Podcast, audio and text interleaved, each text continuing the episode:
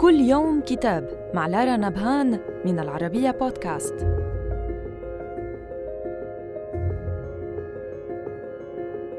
كتابنا اليوم بعنوان طش فش.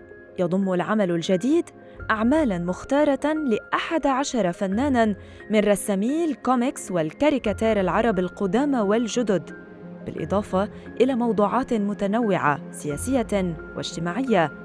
بدءاً من المظاهرات المطلبية الشعبية مرورا بجائحة كورونا وغيرها.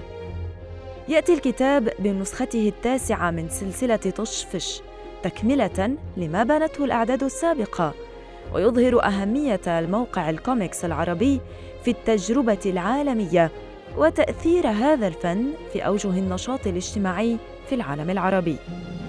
في الكوميكس انتقى القائمون على طشفش تسعة أعمالاً لكل من لطفي زايد من الأردن وأحمد عكاشة من مصر وحلمي البردعة من تونس وعمر طلعت من مصر ورنا طويل من لبنان. أما بالنسبة إلى الكرتون فوقع الاختيار على رسومات لعبد السميع عبد الله من مصر وأسامة حجاج من الأردن وفهد البحادي من سوريا وعلاء اللقطة من فلسطين وناجي بناجي من المغرب وخير الشريف من ليبيا. صمم رسم الغلاف المعتز الصواف ويعود ريع الكتاب إلى جمعية واصف سعاد الصواف الخيرية.